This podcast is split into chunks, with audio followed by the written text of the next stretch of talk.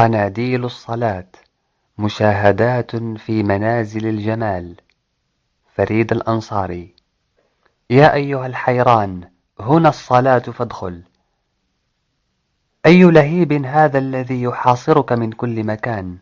كل الأزاهير في قلبك تحترق تباعا فتذروها الريح دخانا يشرد في كل اتجاه.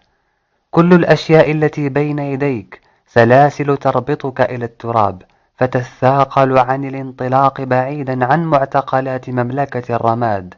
أي كون أم أي سجن هذا الذي ترزح فيه؟ ولا نافذة تنفرج منه إلى السماء. ويحك يا صاح هذه أشياؤك التي تعبدها تلاحقك كل مساء فتتحطم فوق رأسك ثم تبيت ليلتك تئن تحت ركامها. وتستيقظ صباح كل يوم لتدور كالآلة في دوامة رتيبة. ترشقك مسامير ذلك الضجيج نفسه وتخنقك رائحة تلك الملفات نفسها وتلهب وجهك لفحات الحرائق ذاتها وتطول آمالك وتتسع أطماعك وتمتد عيناك إلى مختلف الأشكال والألوان ولا تخرج عن نطاق أشيائك التي لا تعدو أن تكون في نهاية المطاف مجرد حفنة من تراب. وتجري بكل قواك خلف متاعها تحرق في سبيل امتلاكها كل الطاقات وقد لا تصل فتشقى وقد تصل فما أن تضع يدك عليها حتى تصير مغلولة إليها فإذا بك وقد سعيت لتكون مالكة تصبح مملوكا لا تستطيع الفكاك ثم تشقى أيضا. كم زينت لك الكلمات البراقة في إعلانات الإشهار أن تكون إلها فبنيت القصور من حديد وحجر وأجريت من تحتها الأنهار من عرق غير طاهر فأعجبك أن تكون لها مديرا ثم صرت بها أسيرا وكم زينت لك قصائد الحشاشين أن تكون نبيا فبنيت القصور من الخيال وأسست مملكة النظر وصرت توزع الفهوم كما تشاء. فانطلى دجلك على الناس رضحا من الزمن ولكن العواصف لها موعد. فما لبثت مؤسساتك الوهمية أن تبين زيفها فانهارت هياكلها حطبا يلهبه غضب المستضعفين في كل مكان. وجئت بعد خريف قاس عاري الأغصان تبحث عن دفء الحق في فؤادك وسكون الاعتراف لذاتك باستحالة تذوق صفاء الحياة وتدفقها الكوثري من كؤوس التأله الحديدية مهما تعددت أشكالها.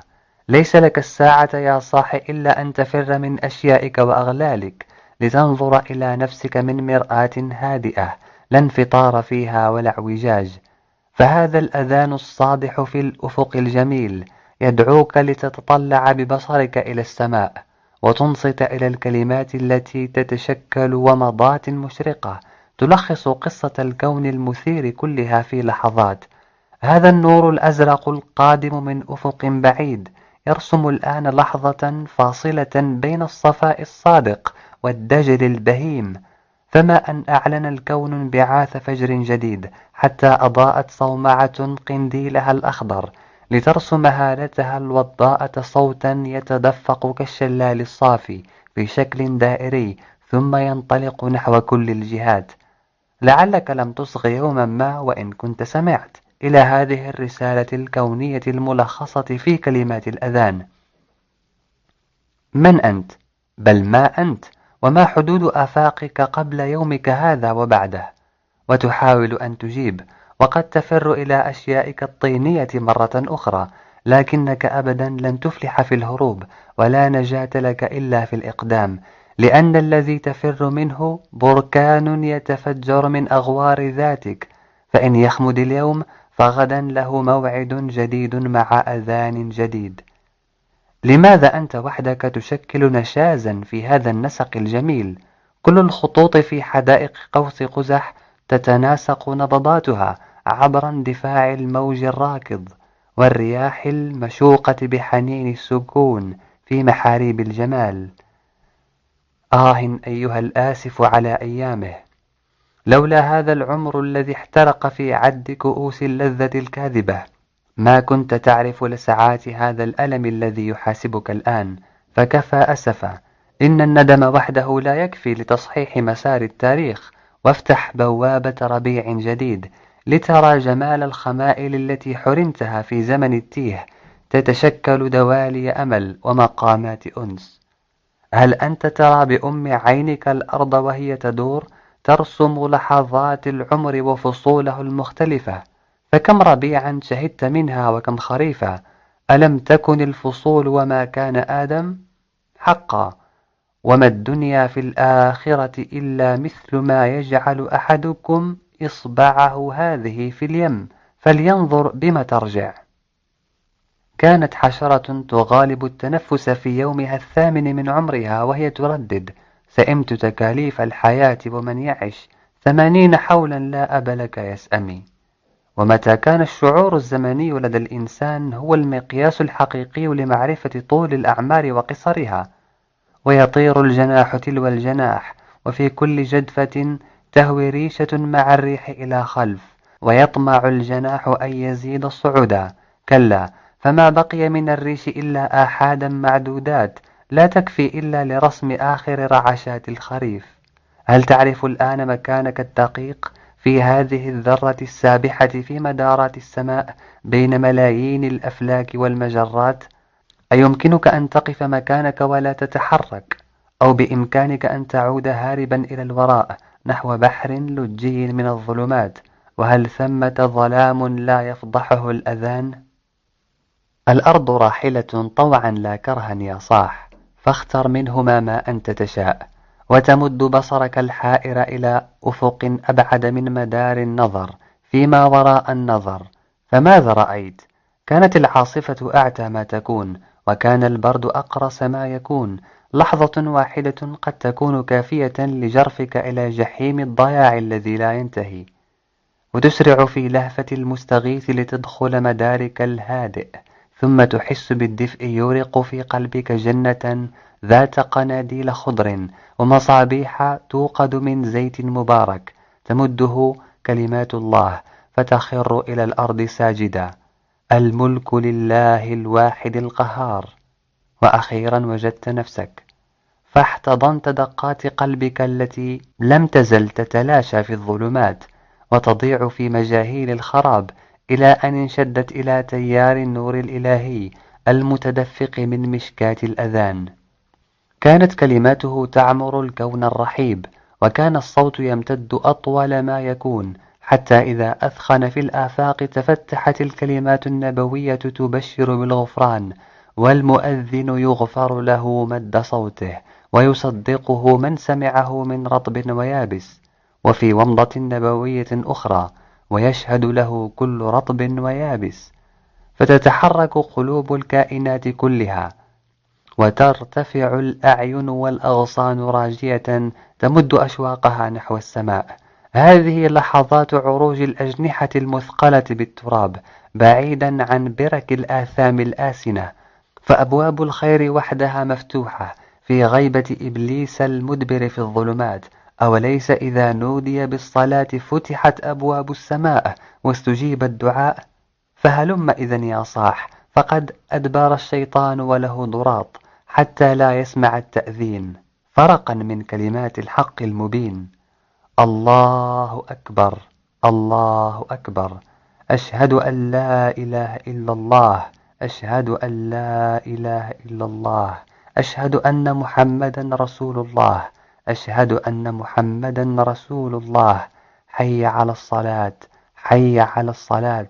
حي على الفلاح. حي على الفلاح. الله أكبر. الله أكبر. لا إله إلا الله. وتمضي كلمات الحداء تخترق الآفاق حتى تستحيل أصداء جميلة تنبعث من أكباد الجبال والطير والشجر والماء والهواء.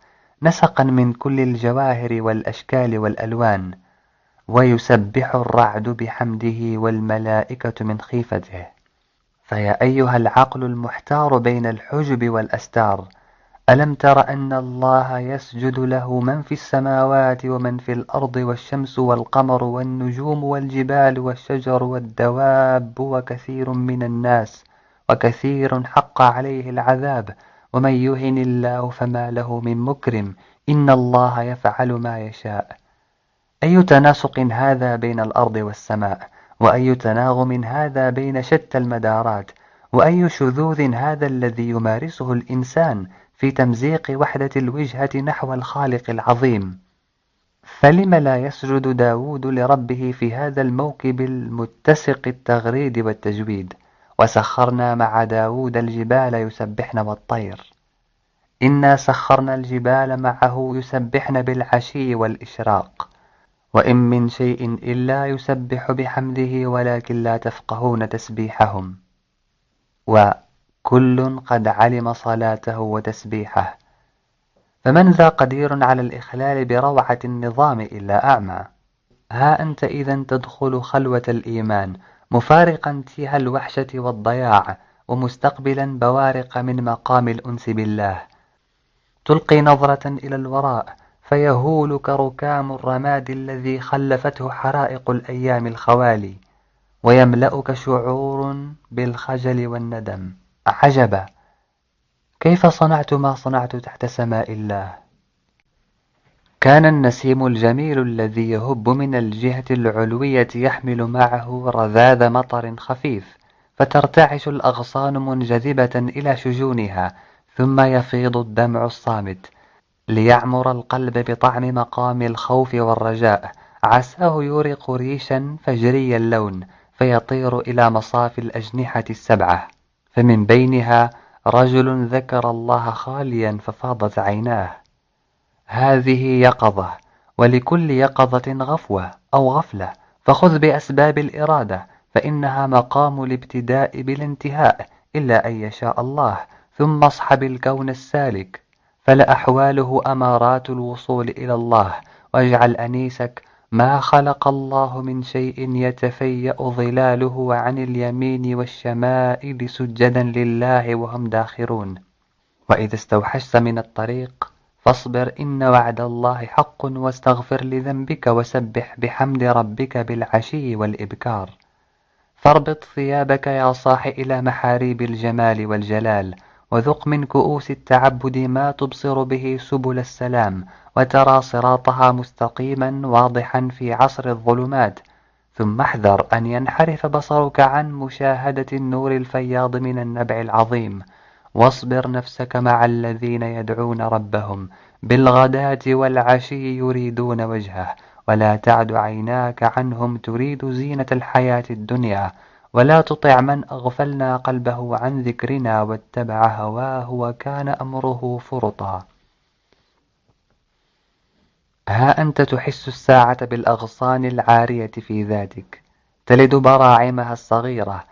عساها تنشر أوراقا خضراء فيتشكل الجناح المأمول وإنك لتكاد أن تطير لولا ما يثقل ذاكرتك من أوساخ عناكب ماتت ولم يزل نسجها القديم يلتقط الغبار من هنا وهناك. ألا مهلا يا صاحبي؟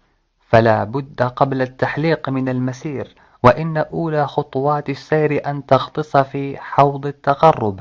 تحت شلال التوبة وإنه لمغتسل بارد وشراب فذلك مستشفى الأنبياء والأتقياء. فتجرد إذا من ذاكرتك السوداء وتبرأ مما قبل فجر الربيع. فمقام الفرحة كفيل بوضعك على أول مدارج التحليق. ذلك نور القسم النبوي المشع في فلوات الظلام. والله لله أفرح بتوبة عبده من أحدكم يجد ضالته بالفلات ويسترسل سيدي في إضاءة علامات الطريق. ومن تقرب إلي شبرا تقربت إليه ذراعا. ومن تقرب إلي ذراعا تقربت إليه باعا. وإذا أقبل إلي يمشي أقبلت إليه أهرول. سبحان الله.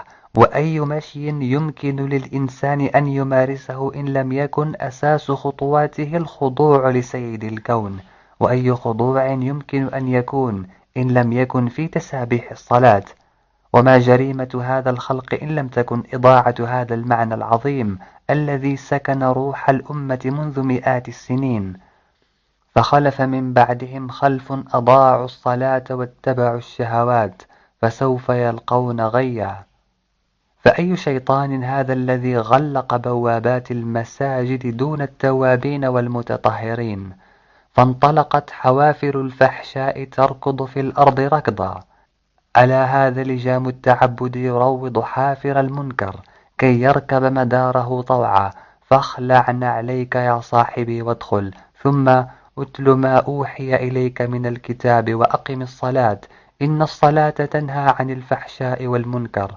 ولذكر الله أكبر. والله يعلم ما تصنعون.